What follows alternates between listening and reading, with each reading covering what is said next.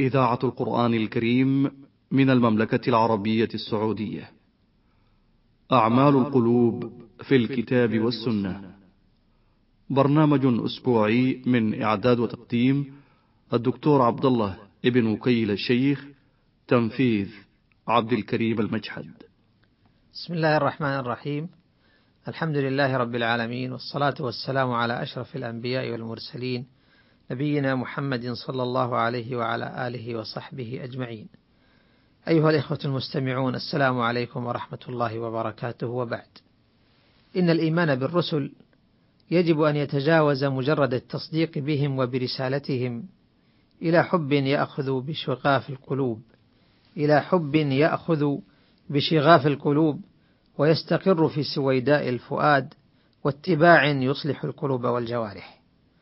ومن هنا طاب لنا الحديث في الحلقتين الماضيتين عن طرف من سيرة نوح وإبراهيم عليهما الصلاة والسلام.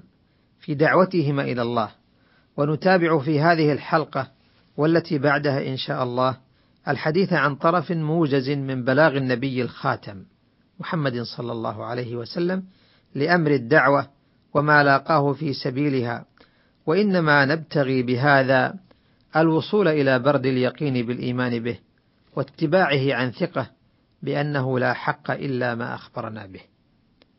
إن مهمة التبليغ عن الله التي يطلع بها المرسلون ليست كمهمات التبليغ التي يقوم بها البشر في الدعوة لفكرة ما أو عقيدة ما.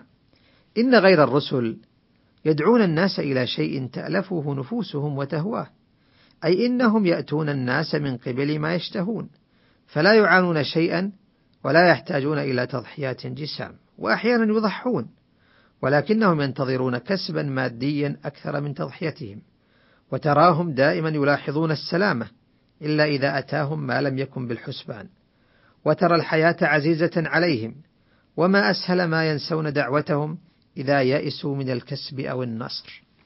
إن الرسل عليهم الصلاة والسلام يبلغون الناس رسالة الله التي فيها ضبط نفوس البشر حتى تستقيم على السنن الصحيح للحياة، وهم بهذا يدخلون في صراع مع أهواء البشر، ولكل إنسان هوى. وهم أيضا من طرف آخر يواجهون صعوبات التربية لأتباعهم الذين لم يزالوا محتاجين إلى التعهد والرعاية والثبات على أخلاق الرسالة. ومقتضيات الشريعة. وسنتكلم في هذه الحلقة عن طرف من الوسائل والطرق التي سلكها النبي صلى الله عليه وسلم لدعوة الناس إلى الإسلام لنطل سريعا على ذلك الجهد الضخم الذي تكلفه المصطفى صلوات الله وسلامه عليه. وسنتحدث في الحلقة الآتية عن نماذج من مدافعة الكافرين لدعوته صلى الله عليه وسلم ليصرفوه عنها فإلى النوع الأول من هذا الحديث. لقد سلك صلوات الله وسلامه عليه كل طريقة ممكنة ليصل هذا الدين إلى الناس، بدءا بالاتصال الشخصي وعرض الدعوة على من يرجو عقله وحصافته من أقربائه وأصدقائه، فأسلم بذلك نفر منهم كخديجة وعلي بن أبي طالب وأبي بكر الصديق. ثم سلك أساليب أعم من هذه الصلة الفردية حينما أمره الله بذلك في قوله وأنذر عشيرتك الأقربين. فأتى الصفا فصعد عليه ثم نادى يا صباحاه فاجتمع إليه الناس حتى إذا اجتمعوا ناداهم بعشائرهم.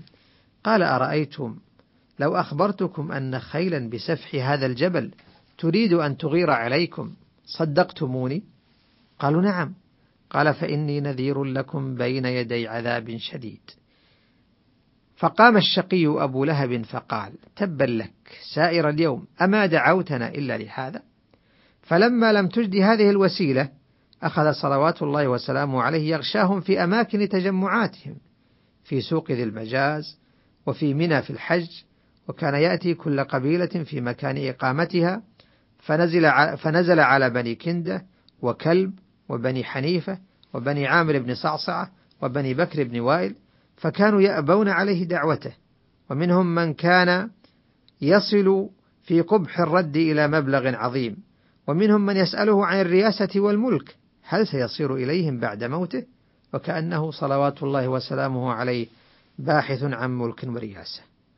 ولقد صدق ذلك الشيخ الذي حدثه هؤلاء الطامعون في الرياسة لما سألهم عن الموسم فقالوا له: جاءنا فتى من قريش، ثم أحد بني عبد المطلب يزعم أنه نبي، يدعون إلى أن نمنعه ونقوم معه ونخرج به إلى بلادنا، فوضع الشيخ يديه على رأسه ثم قال: يا بني عامر هل لها من تلاف؟ هل إذا ناباها من مطلب؟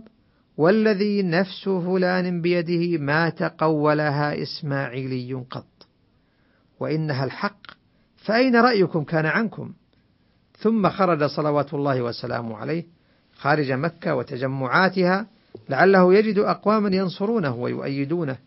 فرحل إلى الطائف ولكنه لم يجد أذنا صاغية. تتدبر الحق الذي يتفوه به والحجة التي يرسلها ناصعة قوية لمن أراد الحق وتشبث به. ولم يقف صلى الله عليه وسلم عند هذا الحد بل أرسل رسله إلى الأماكن والأصقاع. وأرسل برسائله إلى الملوك والزعماء وقد جاوزت تلك الرسائل محيط الجزيرة العربية إلى الممالك المعروفة في عهده. فها هو صلى الله عليه وسلم يرسل إلى الأصحم ملك الحبشة وإلى هرقل عظيم الروم وإلى كسرى عظيم فارس وإلى أسقف نجران وأسقف أيلة وأهلها وكتب لأهل جرباء وأذرح وغيرها من الرسائل العظيمة التي كانت تعريفا لهم بالإسلام ودعوة لهم إلى الدخول فيه. كما استقدم صلوات الله وسلامه عليه الوفود الكثيرة التي تقاطرت على المدينة بشكل كبير جدا بعد فتح مكة فمنهم من آمن ومنهم من استمع وعاد ليفكر في أمره ويراجع نفسه فكانت الوفود من أخصب الوسائل لمعرفة الناس للإسلام. وبجانب ذلك فإن رسول الله صلى الله عليه وسلم كلف كل من أسلم أن يبلغ هذه الرسالة إلى من لم يسلم من قومه وعشيرته والناس أجمعين. أخرج البيهقي عن البراء أن رسول الله صلى الله عليه وسلم بعث خالد بن الوليد إلى أهل اليمن يدعوهم إلى الإسلام. قال البراء: فكنت في من خرج مع خالد فأقمنا ستة أشهر يدعوهم إلى الإسلام فلم يجيبوه. ثم إن رسول الله صلى الله عليه وسلم بعث علي بن أبي طالب وأمره أن يقفل خالدا أن يرجع خالدا إلا رجلا كان ممن مع خالد فأحب أن يعقب مع علي فليعقب معه. قال البراء فكنت في من أعقب مع علي فلما دنونا من القوم خرجوا إلينا. ثم تقدم فصلى بنا. ثم تقدم فصلى بنا علي ثم صفنا صفا واحدا ثم تقدم بين أيدينا وقرأ عليهم كتاب رسول الله صلى الله عليه وسلم فأسلمت همدان جميعا. فكتب علي إلى رسول الله صلى الله عليه وسلم بإسلامهم فلما قرأ رسول الله صلى الله عليه وسلم الكتاب خر ساجدا ثم رفع رأسه فقال السلام على همدان السلام على همدان. فتفكر معي. هل كان هناك أسلوب أو طريقة كان يمكنه صلى الله عليه وسلم أن يسلكها؟ فلم يسلكها فصلوات الله وسلامه عليه وجزاه عن أمته خير ما جزى نبيا عن أمته. وإلى اللقاء. والسلام عليكم ورحمة الله وبركاته. أعمال القلوب في الكتاب والسنة. برنامج أسبوعي من إعداد وتقديم الدكتور عبد الله ابن وكيل الشيخ تنفيذ عبد الكريم المجحد.